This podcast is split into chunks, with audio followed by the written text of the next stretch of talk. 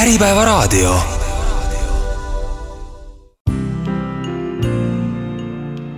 fookuses juhi areng. uue ajastu juhte aitab koolitada Stockholmi kõrgem majanduskool Riias. tere, Äripäeva raadiokuulaja!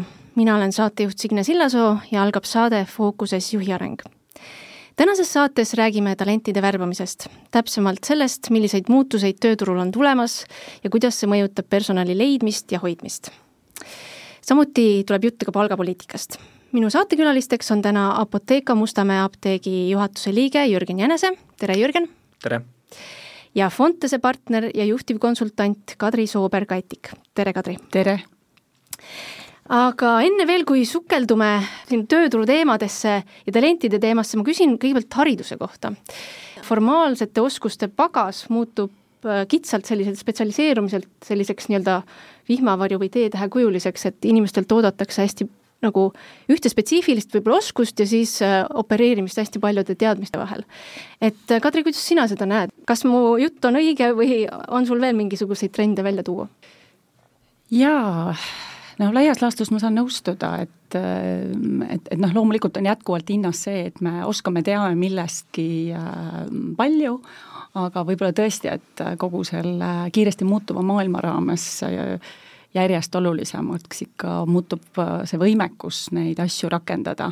ehk siis ka tegelikult hariduse mõttes kindlasti selline rakenduslik lähenemine ja, ja, ja praktiline lähenemine ka kindlasti.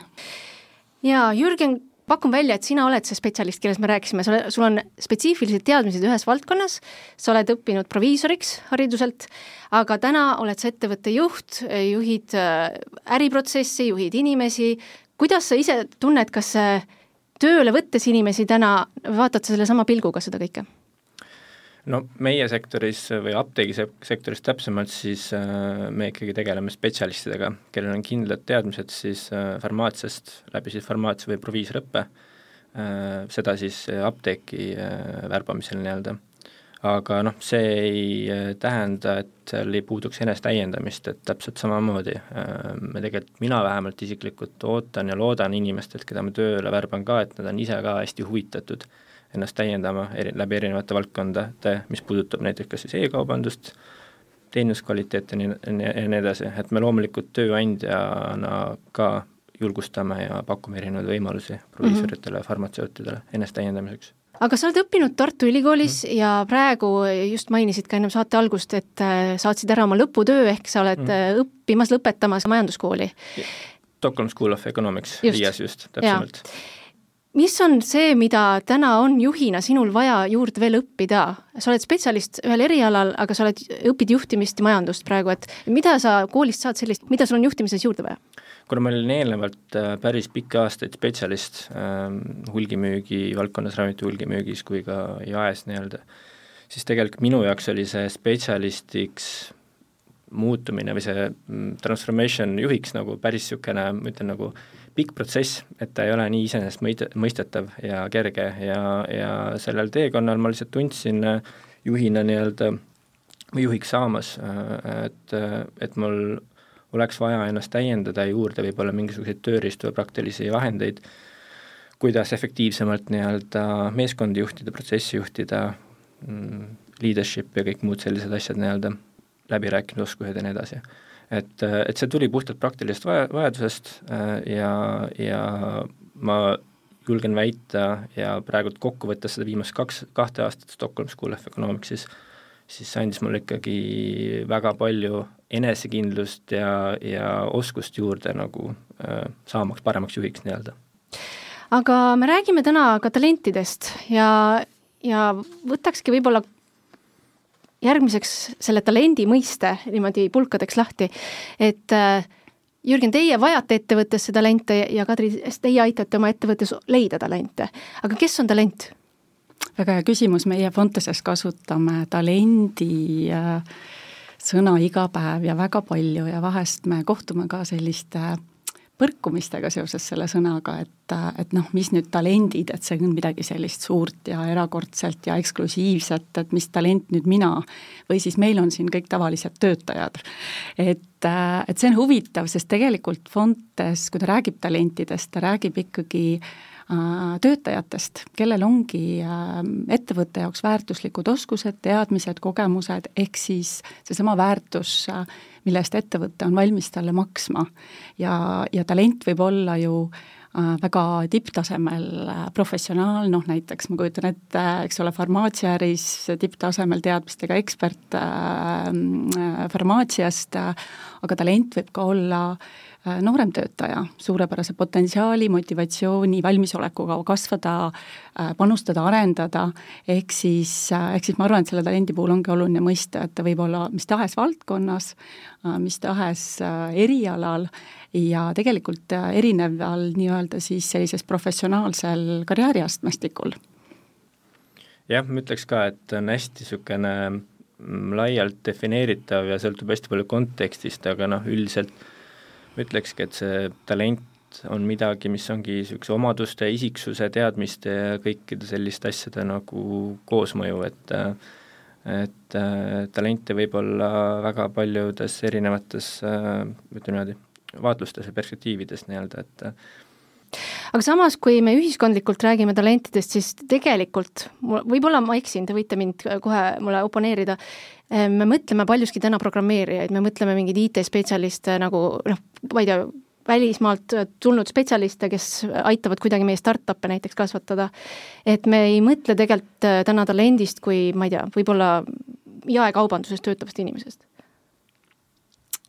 tahaks väga vastu vaielda sulle, et äh, et kui sa mõtled konkreetse organisatsiooni kontekstis, et kellega see ettevõte oma eesmärgid saavutab Äh, siis noh, tõesti jaekaubanduses võib-olla, eks ole, see trikikoht tuleb sisse sellega, et täna äh, meil on väga palju, eks ole, automatiseeritud iseteeninduskassad ja nii edasi, aga noh, võtan võib-olla teise näite, tootmis, tootmisorganisatsioon, eks ole, kus me räägime, kus on palju liini ja oskusteabega inimesi, eks ole, tootmisvaldkonnas mm,, vahest nimetatakse neid lihttöölistest, aga kui sa küsid selle organisatsiooni juhtkonna käest, et kes on teie tipptalent, kellega teie oma eesmärgid saavutate, siis nad ütlevad, et kui neid inimesi ja neid operaatoreid selle pingi taga ei ole, siis meie oma eesmärke ei saavuta, et see on talent selle organisatsiooni jaoks mm. -hmm. et see on nii huvitav tõesti, vaata, kuidas sa tood selle, et see on, see on midagi, mida me oleme kuidagi ise kujundanud selle, selle nime ümber või selle sõna mm -hmm. ümber. võib-olla selle talendi äh,, talendi mõistega või talendiga käib kaasas ikkagi ka see nüanss, et et küsimus on, kas siis iga iga inimene selles organisatsioonis on talent, et loomulikult me ju räägime, et kõik inimesed on täna ju väga olulised. Ja nii ongi see. Aga, aga selle talendi vaatest võib-olla on oluline ka ikkagi see, et see on ka inimene, kes on tõesti äh, noh, valmis selles valdkonnas, ma ei tea, arenema, pingutama, äh, väärtust looma, ehk siis ka see aspekt sinna lisaks, et, et see, et, et, et, et see tema kuidas ma ütlen, talendil on ju ka teine tähendus, talent tähendab ka ju annet mm, -hmm. et mul on mingi anne, mul on mingid loomuomased tugevused, et kas äh, ma olen nendest teadlik ja kas ma äh, olen võimeline nendele rakendust otsima või õiget rakendust hoida, ehk siis kui mul on talent, aga ma rak-, ma ei rakenda seda võib-olla mõnes vallas, valdkonnas või noh, selles mõttes valdkonnas, kus kus ma ei saa oma tugevusi rakendada, siis on nagu raisatud anne või mm -hmm. raisatud talent. et see, selle ümber käib ka ikkagi väga palju seda, et et selle inimese enda teadlikkus, selle talendi enda teadlikkus siis oma nendest annetest või, või loomuomastest tugevustest ja kes ma olen, mida ma pakun turul, kes võiks tahta seda osta, ehk siis see on ka ikkagi väga oluline mm -hmm. selle talendi teema juures. jaa Jürgen, kuidas teil, teil on ka ju vaja äh, spetsialiste, töölisi, äh, kui kerge on täna neid talente leida ja mida te otsite nende juures, kes on teie jaoks talent? no see sõltub hästi palju osakonna spetsiifikast, kuhu, keda äh, me otsime nii-öelda ja ma ka ei omistaks äh, talendi definitsiooni nüüd ainult siis startup'i asutajatele või programmeerijatele, vaid see sõltub hästi palju kontekstist, et noh, täpselt samamoodi meil äh, apteekrid, kes on leti taga või laotöötajad, et seal on ka väga palju talente ja minu jaoks selles mõttes omastabki see talent sellise tähenduse, et, et kui see inimene teeb kire ja motivatsiooni ja pühendumusega enda tööd ja soovib areneda ja panustada ettevõttesse, noh siis, siis see ongi talent, sest noh, see on, läbi selle juba tulevad ka see lisandväärtus ettevõttele, on ju. Mm -hmm. huvi, et äh, aga noh, nende talentide otsimine, noh, see on omaette teema, et, et noh, farmaatsiasektoris ja apteekrid on selles mõttes äh, meil ka vähe hetkel ja, ja nende leidmine on, on paras, paras tegemine, et selleks me kasutame klassikalist headhunting ut nii-öelda hetkel mm, -hmm. et et ja, ja proovime need paremad ja motiveeritumad üles leida tööturult pärast räägime veel natuke, millise präänikuga te neid meelitate oma ettevõttesse, aga enne veel ma küsin seda, et eh, noh, koroonakriis ja üldse viimaste aastate kriisid on hästi palju mõjutanud ka seda meie töö tegemist, eh, tööturul toimuvat. et eh, meie töökorraldus ja töökeskkond on ka natuke muutunud, et kaugtöö on norma-, normaalsus täna, diginomaadide arv kasvab, projektipõhiste inimeste arv kasvab, vabakutseliste arv kasvab, et mida need muutused tähendavad ettevõtete jaoks ka talentide otsimisel ja värbamisel, hoidmisel? jaa, et see, see tõesti, see on nii huvitav, et me räägime nendest muutustest nagu ma ei tea, aeg enne koroonat ja aeg enne ja pärast koroonat, et tegelikult ju sellised paindlikud töösuhtevormid on olnud ammu, ammu enne koroonat olemas. aga mõnes mõttes see koroona nagu töötas sellise kiirendina, et me olime sunnitud neid katsetama, et me olime sunnitud kõiki proovima ja, ja ehk siis võib mõnes mõttes öelda, et selline uus töömaailm jõudis tänu koroonale siis kiiremini äh, kohale ja noh, ma arvan, et seesama, kui me räägime nendest paindlikest või alternatiivsetest äh, võimalustest töösuhet luua, lisaks traditsioonilistele töösuhetele, lepingulistele töösuhetele, siis noh, kindlasti oli rida ja palju ettevõtteid, kelle jaoks see sisuliselt oli sundseis. et et, ähm, et kuidas aktsepteerida kaugtööd, hübriidtööd, kuidas oma süsteemid, oma ärimudel ümber kohandada selle järgi, et me tegelikult ellu jääksime, see oli ellujäämise küsimus paljude ettevõtete jaoks, võib-olla me poleks kunagi sellise, sellisesse tänapäeva jõudnud, et see on võib-olla üks asi, mis on nagu positiivne sellest koroonast aga noh, see on tähendanud väga palju muutusi, et see on ju tähendanud tõesti alates ärimudelite muutusest, ähm, ma arvan, et tööd on väga palju muutunud, rida töid, mis on ära kadunud, on palju töid, mis on juurde tulnud ja, ja võib-olla selles äh, selles kohanemises need võtmesõnad äh, ongi see, et kui me räägime, eks ole, teistsugustest töösuhtevormidest, siis äh, ilmselt me räägime muutunud juhtimisest äh,, Äh, kuidas ettevõtte protsessid on üles ehitatud, kuidas me suhtleme inimestega, äh, kuidas me kultuuri juhime, kujundame, kui inimesi ei ole kontoris, ähm, ma arvan, et ootused juhtidele on täiesti muutunud äh, ja ja, ja noh, ega see kõik on puutunud, puudutanud ka värbamist, et noh, me tea, täna digitaalne värbamine on täiesti iseenesestmõistetav, et tööintervjuuks sa ei pea kuhugi kohale minema, vaid vaid väga palju sellest protsessist on digitaliseeritud ja ja, ja võib-olla veel üks positiivne aspekt on see, et täna me ju ei räägi enam lokaalsest talenditurust, vaid me ei räägi lokaalsest tööturust.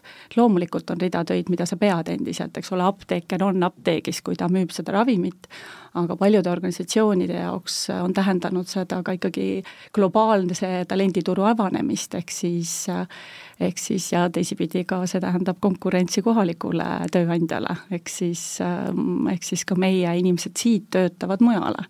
nii et väga-väga palju muutusi on mm -hmm. toimunud nende paari aasta jooksul mm. -hmm jaa, kuidas sa tunned, Jürgen, kas selles mõttes on need muutused näha ka teie kollektiivis äh, töö tegemise viisides, et kas on avanenud teile mingisugune talent või noh, inimeste nii-öelda kompetents, mida võib-olla ennem te kätte ei saanud, oletame, et mõni inimene lihtsalt oli ennem täiskohaga kuskil mujal ja täna ta teeb näiteks mingisuguseid äh, muid juppe kõrvalt?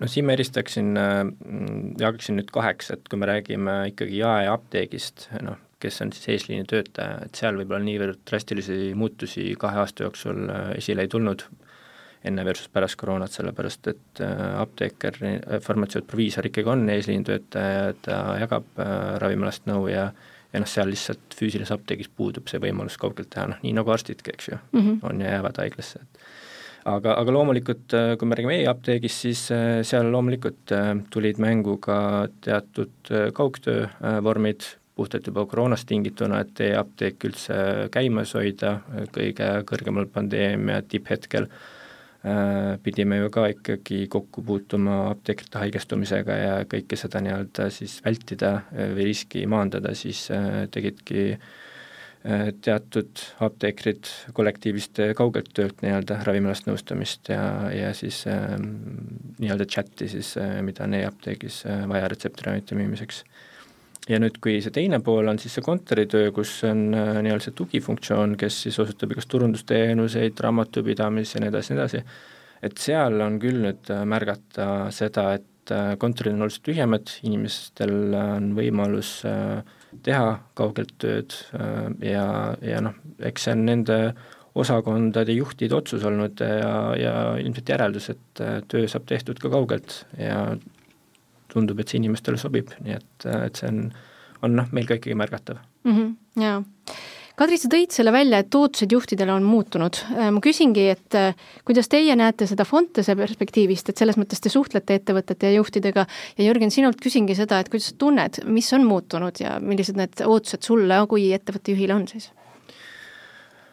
Mm, noh, kui äh, ma räägin ikkagi nüüd sellest e-apteegist ja, ja sellest, et meil mingi grupp inimesi saab kaugelt tööd teha ja neil on võimalus tööd teha siis äh, ma ütleks, et igasugused KPI-d ja sellised mõõdikud on äh, oluliselt äh,, nad olid enne ka olulised, neid on natuke võib-olla juurde tulnud äh,, mille alusel siis hinnata töö tulemuslikkust äh, kaugelt tehes mm. -hmm. et see on nagu selline märgatav äh, muutus äh,. Teine asi on see, et äh, Mm, see on nagu teatud äh, distantseerumist võib-olla tiimis ka tekitanud, et mingi osa inimesi töötab kaugelt, mingi osa koha peal, noh, seal toimub ka roteerumist, et, et võib-olla sellistel ühise, ühistel üritustel ja tiimi tiimi koosolekutel ja, ja väljaõpetel on nagu võib-olla suurem ja olulisem roll, et meil siin juunikuus on alguses ka üks tulemas kogu tiimiga üks äh, kihvt, kihvt seminar nii-öelda et, et see on nagu äh, võib-olla teine punkt, mida välja tuua mm. -hmm. ja noh, juhina selles mõttes äh, juhina mina pean olema see, kes seda eest veab, on ju, ja, ja, ja seda initsiatiivi muidugi üles äh, näitab nii-öelda. aga noh, ütlen niimoodi, et see on võib-olla toonud ka teatud niisugust võib-olla kapseldumist või iseseisvust rohkem. Et need inimesed, kes on harjunud nagu kaugelt tegema, need tunnevadki ennast seal hästi ja neil on natuke võib-olla isegi keerulisem on nagu tagasi äh, apteegi või kontorikeskkonda neid äh, tagasi tuua, siis noh, juhina ma peangi selles mõttes natuke initsiatiivi üles näitama ja, ja nagu seda huvi tekitama neis, et mm, -hmm. et me mhm. ikkagi koos meeskonnana saaksime edasi liikuda ja, ja seda sünergiat tekitada mm. -hmm, just, et nad üksi sinna koju ei jääks. jah, täpselt ja jaa, et mul äh, süda rõkkab rõõmust, kui ma kuulan Jürgenit, et ta, et ta, et ta, ta, ta mõistab seda muutust, et tegelikult see nii-öelda vähikäik ei ole võimalik enam. et kuidas ma nendes uutes oludes päriselt selle asja nagu tööle panen ja see on, on ilmselt tohutu otsimine. ja tegelikult siin on organisatsioonidel väga erinevaid kogemusi. Äh, me täna näeme ettevõtteid, kes äh, on peale koroonaaega otsustanud, et me oleme täielikult tagasi kontoris eelmise aasta, just tegime ka siin kokkuvõtteid eelmise aasta värbamistest, äh, ma arvan, et äh, me pole nii palju kogenud või näinud loobumisi värbamise lõpufaasides, kus tegelikult see suur kõhklus seisnebki näiteks selles, et et kas selles organisatsioonis ikkagi on võimalik, et ma selle oma elu terviku juhtimise saan enda käes hoida, et, et noh, et töö ja eraelu tasakaal kui selline enam täna ei kehti, et, et neid piire ei ole, vaid on see, et me elame ja töö on osa sellest. Ja kui inimesed on näinud, et see on võimalik äh, teostada nii, et äh, ma teen tulemused ära, äh, võib-olla mul on parem tasakaal ikkagi ka oma elus tervikuna ja kui nad täna kohtuvad selle suhtumisega, et me põhimõtteliselt otsustame kõikide, kõikide õigluse võtmes, et me nüüd ikkagi oleme tagasi kontorites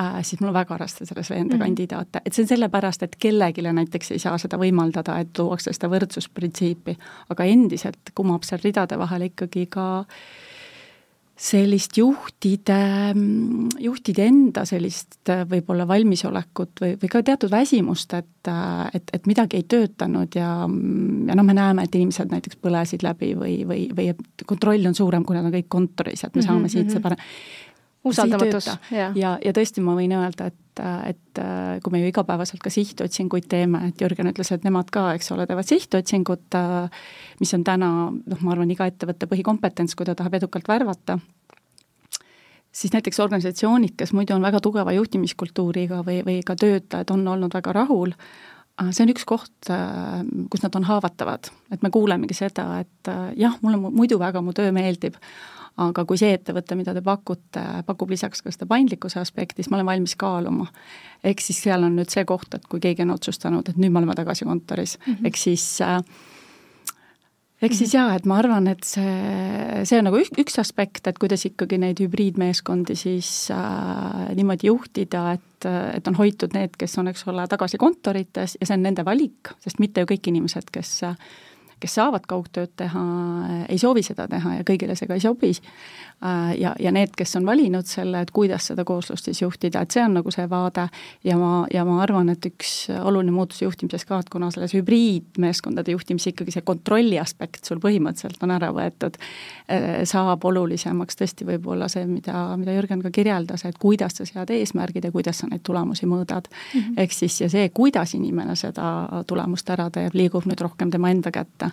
Ehk siis ma arvan, et see on ka võib-olla juhtimises selline oluline muutus mm. -hmm. rääkimata sellest, et selline ülemus-alluv mudel täna äh, inimeste mõtte ja ootuse suunas oma juhile, äh, see mõtteviis täna kuidagi ei sõida enam üldse, et, et juhtidelt ikkagi oodatakse pigem sellist partnerlust, juht on minu äh, arengutoetaja, aitab mul endast teadlikumaks saada, ehk siis, ehk siis äh, selline nõustava lähenemisega juhtimine kindlasti mm. -hmm. Jaa, aga ma võtangi kohe sõnasabast kinni, et tahtsingi tegelikult küsida järgmiseks, et mis on need töötajate ootused täna, sa tõid välja paindlikkuse, seesama juhi ja töötaja suhe, mis veel, mida täna ootab selline ei, noor, võib-olla tööturule sisenev inimene?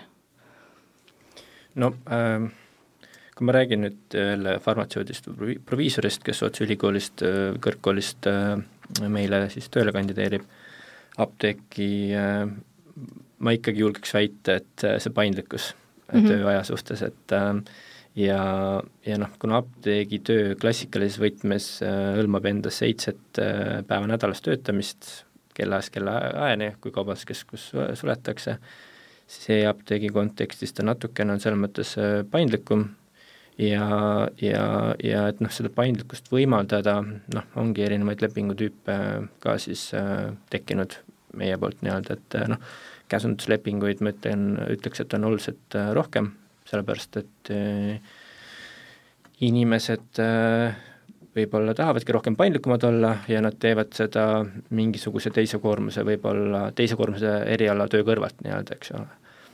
et äh, et see on nagu võib-olla niisugune kõige, kõige olulisem äh, punkt, mida välja tuua mm. -hmm jaa, et mina arvan, et ma saan ka tõesti kõige tugevamalt äh, kinnitada seda paindlikkuse ootust, ähm, et kuidas see töö on korraldatud, äh, kindlasti selline paradoksaalne olukord on, ma arvan, ka see, et äh, et töö ei ole nagu inimeste selline ähm, esmane vajadus. et meil on ju, eks ole, me, meil on viis põlvkonda täna tööturul, neil on tööst ja töötamisest väga erinev nägemus, arusaamine, ootused ja ma kujutan ette teie kooslust, Jürgen, teil on täpselt sama, teil on väga kogenud äh, töötajad ja siis on uued turule sisenejad. et kuidas sa nende ootustega kohaned ja, ja, ja, ja, ja tegelikult see paindlikkus eelkõige tavaliselt ongi oodatud, et see ei ole see, et ma tahan et ma, et see tähendab, et ma tahan sada protsenti kodus töötada, vaid paindlikkus tähendab seda, et see mõtteviis on toetatud organisatsioonis, et kui mul on vaja äh, et siis minu ka muu elu aspektid äh, on nagu hoitud. et, et, et, et ma ei pea nagu muretsema, et, et vaadatakse viltu minu peale. et äh, ja, ja üks asi, mida ma ootuste osas, mis kindlasti on oluliselt mõjutanud nagu koroona ajast, on, on tegelikult see selline nagu heaolu kui väärtuspakkumine, väärtuspakkumise osa ja, ja me, me oleme kõik väga palju ilmselt kuulnud sel, sellest, kuidas koroona on mõjutanud seda, et kuidas on inimese äh, tasupaketi ja sellisesse bonussüsteemi lisatud, eks ole, erinevad tervisekindlustused, kas tööandja hoolib äh, minu tervisest, äh, kuidas, kas minu selline panus ja pingutus on vastutustundlikult juhitud, äh, tegelikult selline heaolu aspekt, sest noh, heaolus on ka mitu aspekti, et see ei ole ainult ka tervis, on finantsiline heaolu, on suhted, on pere ja, ja vahest ma kuulangi seda, et noh, jälle see heaolu teema, et kas nüüd ongi nii, et kõigil peab olema tohutult hea olla tööl, et kuidagi selline ülekantud tähendus sellest mm -hmm. heaolust, et noh, siis ei ole nii, sest tegelikult kui sa mõtled heaolule, vaimsele tervisele, siis ka tööl ja selle vaim, sellel vaimsel pingutusel või rakendusel on ka ülioluline roll, et meie heaolu oleks hoitud. et, et võib-olla, võib-olla see on ka üks oluline muutus ikkagi, mis, mis selles organisatsiooni ja inimese ootuse äh, kuidagi jah, et see on, see on muutus, ma arvan mm. -hmm. ja seda võib-olla lisan siia juurde, et äh, see on ka jah, tõesti üks oluline muutus, mis viimasel paaril aastal ka on äh, meie organisatsioonis nii-öelda toimunud, on see, et, tööandja poolt me nii-öelda loome natuke niisugust tugisüsteemi ka inimesele, et noh, olgu selleks siis noh, sporti, sport, spordi toetamine, eks ju, või siis tervisekindlustuse paketid, sama loo, samamoodi psühholoogilise abi pakett, kui, kui vaja, eks ju, et saab seda väga delikaatselt äh, teha nii, et äh, et, et tööandja nii-öelda toetab ja, ja maksab kinni selle, et, et noh, meie jaoks on ka hästi oluline see, et see tööandja, töötajal oleks nagu seal meie juures olles äh, ka võimalikult turvaline hea olla nii-öelda ja mm -hmm. see on hästi, seda tehti varem, enne koroonat, aga, aga, aga noh, koroona andis sellele veelgi nagu rohkem tõuget, sellepärast mhm. et inimesed nägid väga palju vaeva ja, ja ja, ja see oli lihtsalt keeruline aeg mm. -hmm. ja noh, see oli ka kogu aeg akuutne teema, tervis, jaa. Ehm, küsin ka tehnoloogia kohta, et me ei saa sellest ka üle ega ümber, e, iga viimane kui saade olen ma viimati siin rääkinud chat GPT-st ja tehisintellektist ja muudest asjadest, et kuidas tehnoloogia muudab äh, värbamist täna, Kadri, võib-olla sina oskad seda öelda, et mis toimub värbamisturul, kuidas tehnoloogia teile appi on tulnud näiteks? Jaa, ega meiegi sellest ei pääse. Ja tegelikult ikkagi värbamisel eks ole, kui me räägime kandidaadi kogemusest, kui me räägime värbamise tõhususest ja, ja, ja kuludest ja, ja nende jälgimisest, siis tegelikult kõik, mis on võimalik selles protsessis automatiseerida, äh, seda teadlikud organisatsioonid kindlasti teevad. Ähm,, virtuaalsed tööriistad kindlasti noh, kogu an-, ai, eks ole, jällegi, eks ole äh,, igasugused äh, candidate tracking süsteemid ähm,, tegelikult see on selline võimaluste maailm, et kui vähegi organisatsioon on valmis sellesse investeerida, et, et siis, et siis tegelikult ma arvan, et see ainult kasvab ja noh, kindlasti lisaks sellele tehnoloogiale andmepõhisus, et ka värbamine on muutumas hästi andmepõhiseks, et me, me saame väga palju datat ehk siis numbreid kätte selle kohta, et kuidas me lähe, läheb äh, Äh, kui tõhusad meie värbamised on, äh, kui tõhusad meie turunduskampaaniad sealjuures on, ehk siis jaa, igas mõttes.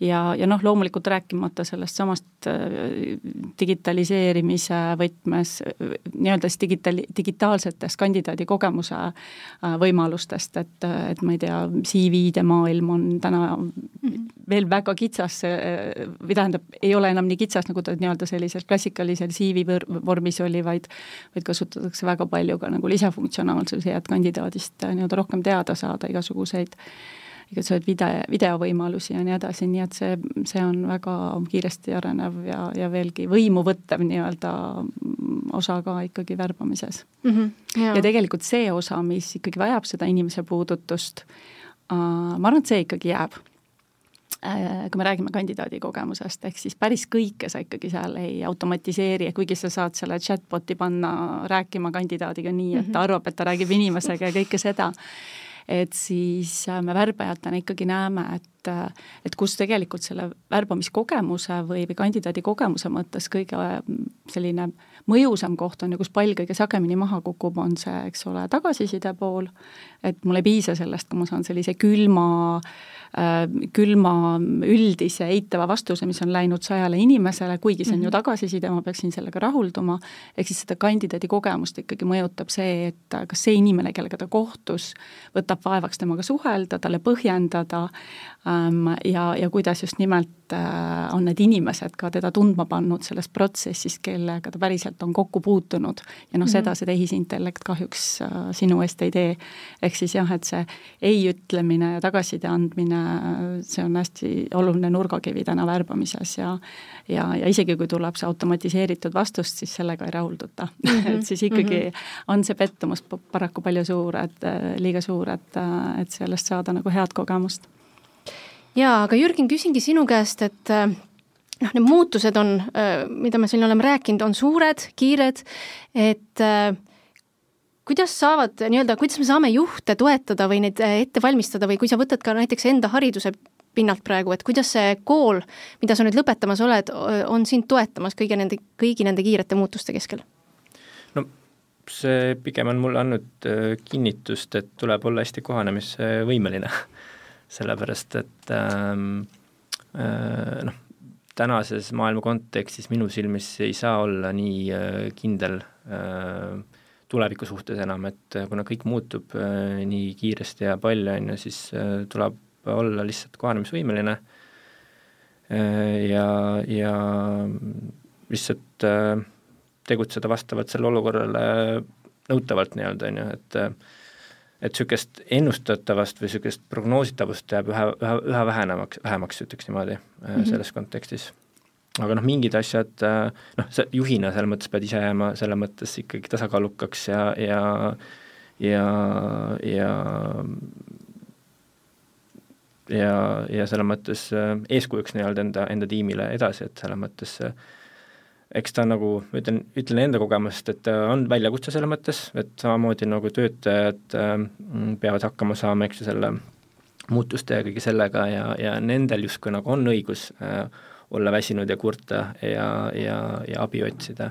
noh, tegelikult on needsamad vajadused juhil ka, aga tihtipeale juht peab nagu äh, ise nagu hakkama saama ja võib-olla äh, tal peab ka olema nii-öelda oma siis võib-olla mingi tugisüsteem, eks ju, läbi mille ta suudab äh, jääda iseendaks äh, kogu meeskonna ees, et see mm -hmm. võib olla niisugune niisugune äh, oluline asi, mida välja tuua mm. -hmm. kas kooliharidus on sind toetanud kuidagi? ta on hästi mind teadlikumaks teinud küll mm -hmm. selles mõttes, hästi mm -hmm. paljudes erinevates, et see ei olnud ainult finants ja läbirääkimisoskus, vaid pigem üleüldine coaching ja kõik, kõik see ka, et, et üldse noh, kuidas tiimidünaamika toimib, kuidas inimestevaheline kooslus äh, kui ei toimi, kuidas seda saada toimima, on ju, kas seda on üldse mõtet äh, toimima saada, on ju, ja nii edasi ja nii edasi, et, et see kool aitas mind tegelikult selles kontekstis äh, ikkagi äh, väga palju mm. -hmm ja ma kujutan ette, need sidemed, mis tekivad teiste juhtidega, et see on ka sinu see turvavõrk ilmselt edasiseks? jaa, absoluutselt mm. -hmm. ma tegelikult ühe niisuguse hea näite võin tuua ka, kui esimesel aastal meile antigi üks päris elu nii-öelda siis üks kütuse jaemüüja, oli siis niisugune field project nii-öelda, mida me pidime pool aastat äh,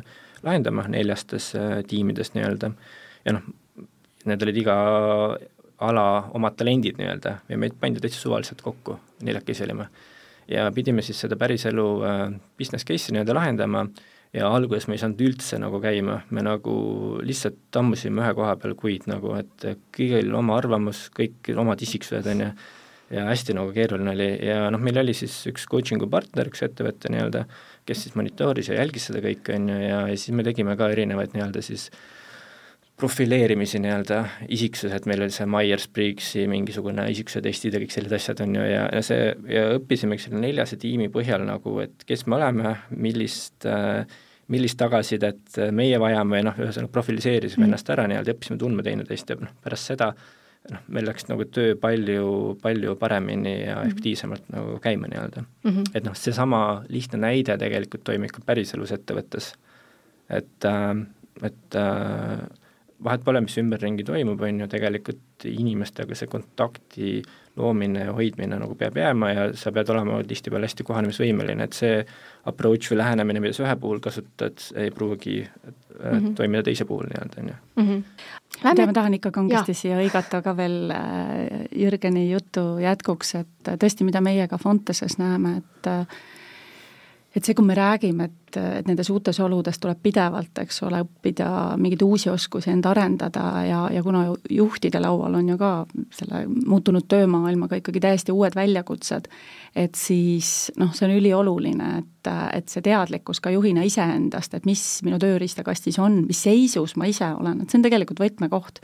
et kui me räägime ka sellest heaolust, et noh, me võime kõiki heaolumeetmeid rakendada, kui juht ise on kehvas seisus, ta ise on mm, -hmm. äh, ma ei tea, segaduses läbi põlenud, tal ei ole seda võrgustikku, siis äh, ta ei ole see heaolu eeskuju, eks ole, või saadik selles organisatsioonis ise, et, et juht peab ise ka olema hoitud ja, ja noh, täna, mis me tõesti näeme, et äh, Fontes on, äh, ma ei tea, viisteist pluss aastat äh, tegelenud ju juhtide arendamise, mentorluse programmide, coaching uga ja nii edasi, et tegelikult seesama äh, ähm, mentorluse süsteem ja, ja, ja juhile mentori nii-öelda tugi või, või ka võimalus äh, tõesti kellegagi oma teemasid jagada, kogemusi jagada väljaspool oma organisatsiooni äh, soovitavalt, ehk siis meie saame öelda, et ka selline nii ettevõttesisene kui ka tegelikult selline väline mentorluse võrgustik ja Eesti Mentorluse kommuun on, kogukond on ikkagi tohutult nagu kasvanud, et see teadlikkus tõesti, mida sa kirjeldad mm, -hmm. tõesti,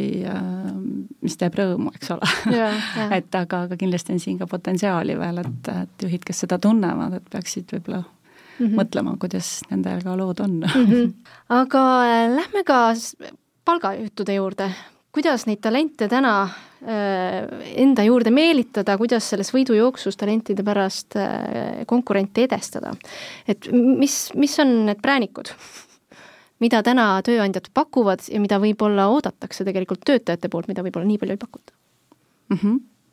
jaa, Mhm, klassikaline küsimus iga kord mm, -hmm. kui äh, ma kohtun ühe potentsiaalne, potentsiaalse organisatsiooniga, kes, kes oma, oma meeskonda soovib äh, inimest leida, et aga, aga noh, jõuame selle palga või mitte palga, ma tahaksin öelda, et jõuame ikkagi selle väärtuspakkumise küsimuse juurde, et siis küsitakse, et noh, aga ütle, mida, mida selline inimene siis äh, soovib või ootab, et ta meie organisatsiooni tuleks, ehk siis hästi palju soovitakse nagu teada, et mis seis turul on ja noh, siin ma tegelikult mõtlen, et küsimus on äh, ikkagi selles, et kas palk üldse enam on piisav ja kõiki neid trende vaadates vastus on, et ei ole.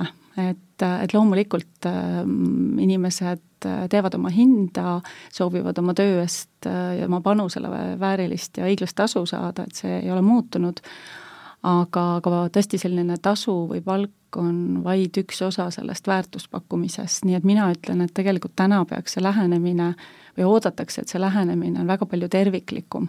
ehk siis, ehk siis väärtuspakkumine kui selline, mis tegelikult seob kokku ka kõige laiemas mõttes selle, et mis on see töötaja kogemus minu organisatsioonis, loomulikult palk on osa sellest, aga ka väga palju muud, et, et tõesti seda unikaalsust ja eristuvust ja ja olla siis see magnet ja, ja võib-olla ka konkurente edastada, ehk siis pigem peaks võtma sellele äh, sellele tasu küsimusele terviklikuma lähenemise. ehk siis, kui see küsimus on jah, et see, et kas need toredad kontorid ja mm, tasuta jooga ja puuviljad ja ja kõik see on oluline, see on oluline, aga see on täna hügieen mm. -hmm. ehk siis, kui me loeme töökuulutusi ja keegi ütleb, et me pakume tasuta kohvi ja sa saad joogat teha, see on kõik väga tore, aga, aga võib-olla see terviklikkus ja tõesti, nii nagu sai juba mainitud, siis see paindlikkus küsitakse, kuidas see on korraldatud, see on igas, igal tööintervjuul on see küsimus sees täna. et kuidas see on juhitud ja korraldatud äh, ja, ja, ja, ja tõesti, et ka, et ähm, kuidas sa siis need talendid endaga ära seod. ja siin me saame öelda, et võib-olla ongi keeruline sellist väga ühtset poliitikat ja EIK poliitikat kujundada, tasu põhimõtted peavad kindlasti paigas olema, ehk siis mille eest me maksame ja mille alusel me palku muudame, aga, aga ikkagi need märksõnad on ka selline personaalsus ja paindlikkus seal sees mm. -hmm. ehk siis äh, need on need, mida meie kuidagi tunneme ja, ja kogeme. jaa Jürgen, sa saad hästi praktiliselt äh, enda ettevõtte näitel äh, seda avada, et et kuidas see teil on, kas palgaga meelitab ära või täna on midagi rohkemat vaja ja mis see rohkem on siis? meil on ikkagi äh, terviklikum, ütleme, väärtuspakkumine või kui ma oma kogemust räägin, et enne korraks tulen eelmise punkti juurde tagasi, et tehnoloogiatest rääkisite väärtpabemist, et meie selles mõttes oleme natuke nagu arhailised, et ikkagi lõppkokkuvõttes me istume laua taga ja teeme intervjuud mm. -hmm. et, et siis aru saada nii-öelda ja et eh, kandidaadi sobivuse osas ja nii edasi. noh, lihtsamaks meil teeb see, et meil lihtsalt tihtipeale ei ole nüüd pikka järjekorda ukse taga, sellepärast et apteekreid lihtsalt on vähe Eestis, eks ole, ja siis e-apteegi õnneks on muidugi see, et, et huvi on suurem, on ju, ja noh, seal ongi see, et eh, kui ma selle sobiva kandidaadiga lõpuks laua taga istun, siis ma tegelikult, meil on hästi avatud vestlused ja ma küsin tema käest pigem, et eh, miks tema üldse meile tööle tahab tulla ja mis on tema ootused äh, selle töö osas ja kõik. Ja noh, vastavalt sellele siis ma tihtipeale ka noh, paneme selle väärtuspakkumise nii-öelda kokku sellele indiviidile, et mõne jaoks tõesti on see paindlikkus hästi-hästi oluline ähm,, tööaja ja töökoormuse kontekstis nii-öelda. äh,, tihtipeale noh, meil muidugi ei ole võimalik alati sellist äh, pakkumist teha, kui on ikka täiskoormusega inimest vaja, eks ju, noh, siis nii on mm. -hmm.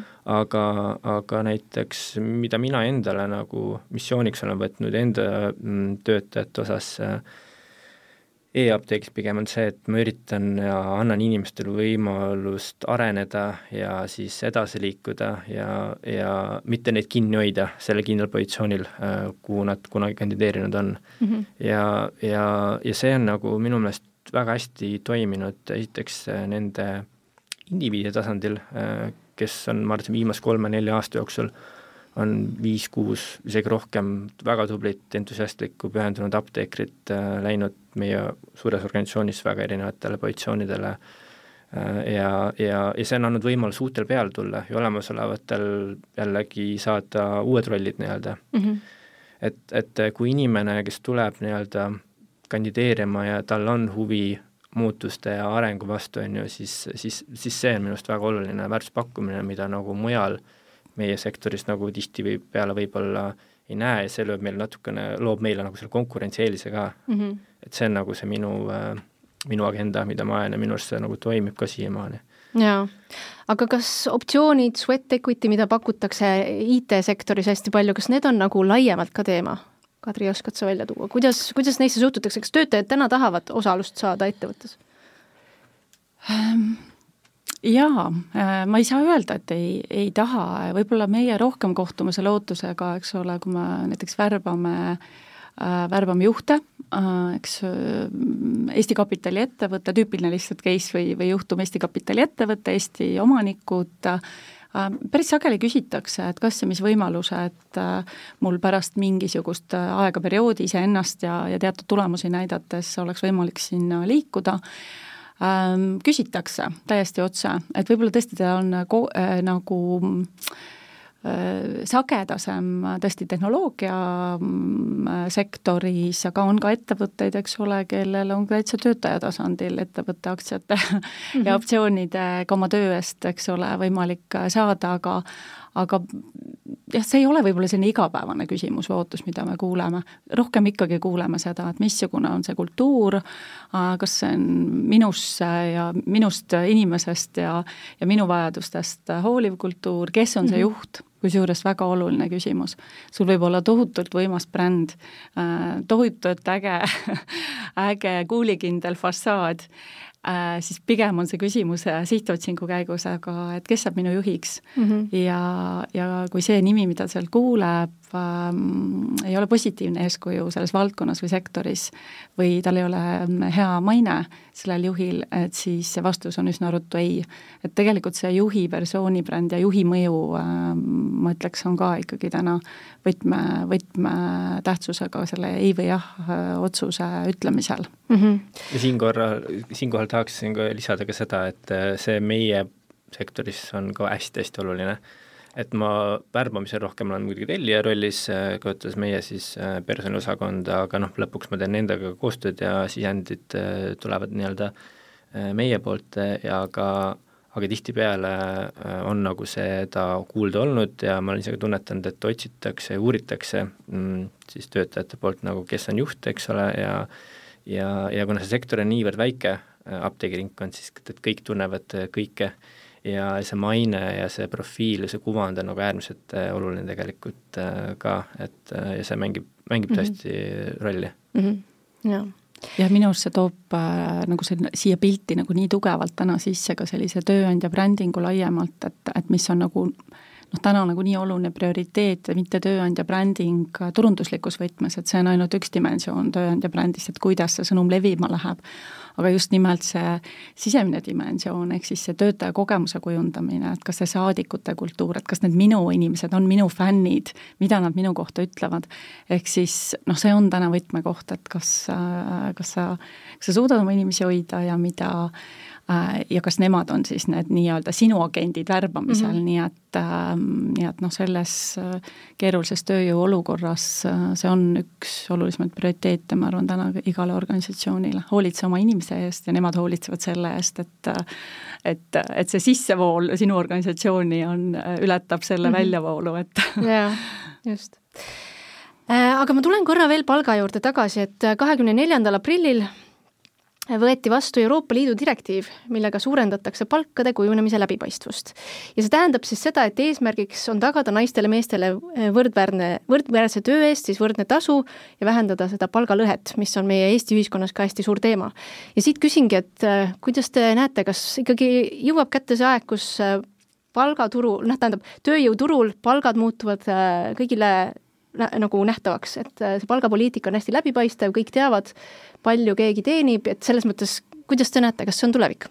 no Fontes ajab väga palju aastaid juba äh, seda õiglase palga rida, ehk siis äh, väga täpselt Fontes oma iga-aastast, tegelikult pean parandama ennast, et nüüd on väga värskelt Figure Baltic Advisory ehk siis meie endine Fontese palgauuringute äh, äri on nüüdsest Baltikumi üleselt Figure nimeline, ehk siis kui keegi kes seda kuuleb, seda sõna, siis teab, et see on endine, endise nimega siis Fontese palgauuringud tegelikult seesama õiglase palga ähm, poliitika või ka tegelikult see selline mõtteviisi kujundamine ka ja, ja organisatsioonide nõustamine selles valdkonnas on üks, üks ka meie südameasi. nii et ähm,, nii et see on luubi all. Äh,, see olukord on paranenud äh, siiski aastate jooksul.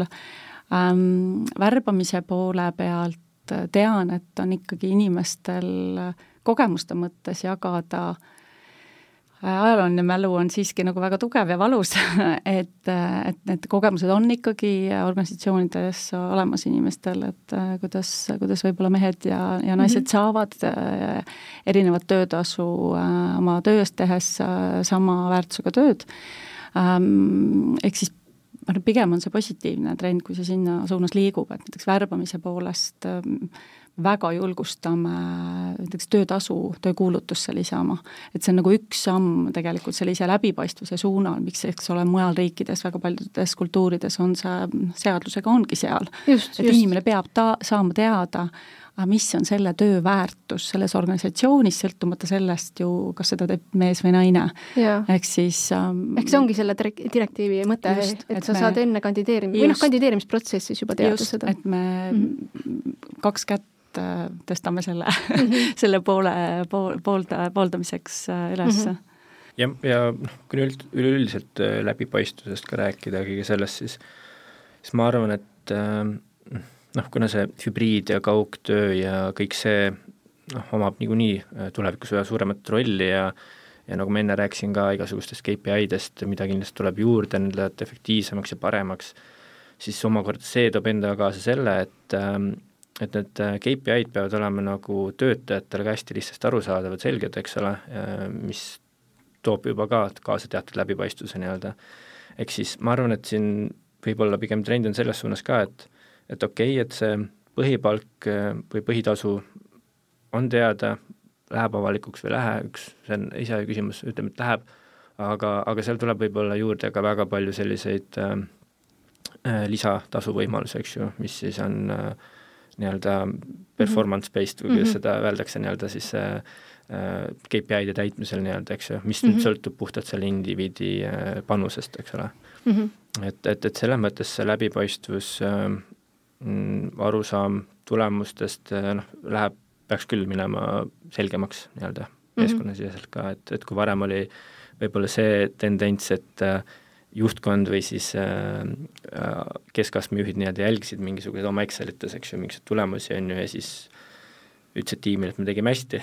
Mm -hmm. ja sellega piirduti, on ju, et siis nüüd võib-olla tulevad mingi scorecard'id ja sellised asjad, eks ole, et äh, mis teevad nii-öelda töötajatele ka natukene arusaadavamaks, et mida nad peavad rohkem tegema, et nad saaksid või jõuaksid sellele levelile nii-öelda. Aga hakkame vaikselt otsi kokku tõmbama, paar küsimust veel et äh, kui natuke võib-olla futuristlikult või tulevikku vaatavalt äh, selle värbamise peale mõelda, siis mis muutub äh, värbamises tulevikus? ma arvan, et me oleme tulevikus juba kohal, ehk siis kes veel endiselt kohaneb, võib-olla peaks kiiresti kohanema. ehk siis kindlasti see globaalsus, et see globaalne talenditurg on see märksõna, et seda peab mõistma. siis, kes veel ei ole mõistnud, peab ka mõistma seda ilmselt, et äh, et valivaks pooleks on äh, töövõtjad, ehk siis nendel samadel meie jaoks hinnalistel talentidel on laual alati mitu head valikut, ehk siis mis on see kogemus, mida ma pakun ja, ja miks meie eristume kellestki teisest, äh, ehk siis see muudab tegelikult kogu värbamise pea peale, et kas me värbame lähtudes, meie valime ja meie otsustame või me ehitame oma värbamise üles äh, sellest lahtenurgast, et valib teine osapool. Äh, ja see, see tähendab väga palju muutusi tegelikult kogu värbamise protsessis, see ei ole futuristlik tegelikult, see pole no,, siin, siin ei ole. See on, see on realistlik. Jah, et see on, see on nagu täiesti tänapäev ja väga paljud organisatsioonid on seda mõistnud ja juba, juba tegutsevad äh, selles suunas ja ilmselt ka äh, võib-olla, võib-olla on ka mingi konkurentsieelis siin. Siis noh, ma arvan, täpselt seesama ikkagi mitu korda mainitud juba ikkagi see digitaliseerimine ja andmepõhisus, et, et, et seda enda värbamise efektiivsust ja tulemuslikult Äh, tulemuslikkust kasvatada, parandada, et investeeringud kindlasti äh, nendesse võimalustesse. Ja, ja loomulikult äh, ma arvan, et intervjuud ei kao kuhugi, see inimlik puudutus ei kao ka kuhugi, aga, aga kõik see osa, mis on võimalik automatiseerida, et meil jääks nende kandidaadi suhetele rohkem aega keskenduda, et see ongi see, see energia või, või see selline efektiivsus, mille alt see siis peab nagu vabanema. Ja tööandja bränding ja, ja turundus tegelikult täpselt samamoodi, et et, et see post and pray ajastu on möödas, tõesti postitame kuulutuse ja loodame, mhm. et äkki keegi kuskil komistab selle otsa. et, et ikkagi nagu selline hästi läbimõeldud ja, ja kaasaegne ja teadlik äh, lähenemine, keda ma vajan ja kuidas ma nendeni jõuan ja mida ma saan pakkuda ise. ja absoluutselt ja, ja miks mm, -hmm. miks, miks keegi ometi peaks mind valima mm, -hmm. see on võtmekoht mm. -hmm. jah ma ei teagi, mida nüüd siia veel juurde lisada, aga aga põhimõtteliselt nõus ja et äh, tööandja bränding kindlasti üks asi äh,, äh juhtide kuvand täpselt samamoodi oluline ja tegelikult võib-olla võtmesõna on see paindlikkus, ma ütleks siin -hmm. et isegi meie väga reguleeritud, ülereguleeritud apteegisektoris me ei saa olla võib-olla niivõrd paindlikud, aga me peaksime püüdlema selles suunas, et kuidas seda paindlikkust nagu sisse tuua mm. -hmm. ja noh, see on see, millega me kindlasti tegelema peame ja äh, ja selles mõttes futuristlik, et meil läheb kindlasti aega, et me saaksime sinna teatud mingisugust paindlikkust äh, sisse tuua, et äh, aga noh mm -hmm., liigume selles suunas ka mm. -hmm jaa, aga ma ikka tulen selle sõna juurde, kuna sa jälle mainisid seda futurismi sõna, ühesõnaga, kui vaadata tulevikku, noh täiesti julgelt, ilma igasuguste piirideta, siis mida sa, Kadri, näiteks ennustad või noh, mis või on see sinu nii-öelda tulevikuvaade, kuidas see kõik võiks minna? Ja noh, ma arvan, et see tehnoloogia märksõna on siin igas võtmes sees, palju me ju räägime sellest, et kas noh, ma ei tea, ai võtab täiesti värbamise mm -hmm. üle. jah, nendes kohtades, kus seda võimalik teha on, võtab, aga natukene minus seda konservatiivsust, ehk siis, ehk siis, ehk siis ehk siis ma arvan, et see saab olema ka tulevikus selline kombineeritud ikkagi, kombineeritud äh, lähenemine värbamisele mm, jah, no võib-olla ma ei ole üldse nagu nii, äh, nii, äh, nii loov selle koha pealt, et see on nagu hea küsimus. ma ei tea, võib-olla sina, Jürgen, oled äkki ei noh, ma ütlen ka, et see inimlik pool kindlasti jääb alles, äh, noh, või ütleme, see peab jääma, et noh, loomulikult hakatakse tänasel päeval juba kasutusel erinevaid andmepõhiseid nii-öelda siis värbamisprogramme ja funktsioone nii-öelda, et, et analüüsimaks võib-olla inimest, esiteks see meeskonda, kuhu see inimene tuleb ja siis analüüsimaks seda inimest, kes sinna meeskonda tuleb nii-öelda ja siis mm -hmm. panna, leida mingid sobivad dünaamikad, eks ju, isiksused ja nii edasi. aga, aga see inimlik pool kindlasti jääb ja noh, see sõltub hästi palju muidugi sellest ka, kuhu ja keda värvatakse, on ju, et kui ikka mingit tippjuhti väga suurde organisatsiooni on vaja, siis on ilmselge, et ai ja robot ei saa niisugust asja ära otsustada, et noh mm -hmm., jäävadki needsamad etapid, eks ju, mis meil siiani on olnud ja kehtinud ja ja, ja jah, ma ei oskagi nagu rohkem väga palju juurde lisada sinna. jah, ma arvan, et see on hästi erinev vaade, et kas sa vaatad organisatsiooni vaatest kus meie saame mm -hmm. nii-öelda asju tehnoloogiale siit ära anda, aga siis ei tohi unustada ka seda, et mille põhjal see kandidaat oma valiku teeb.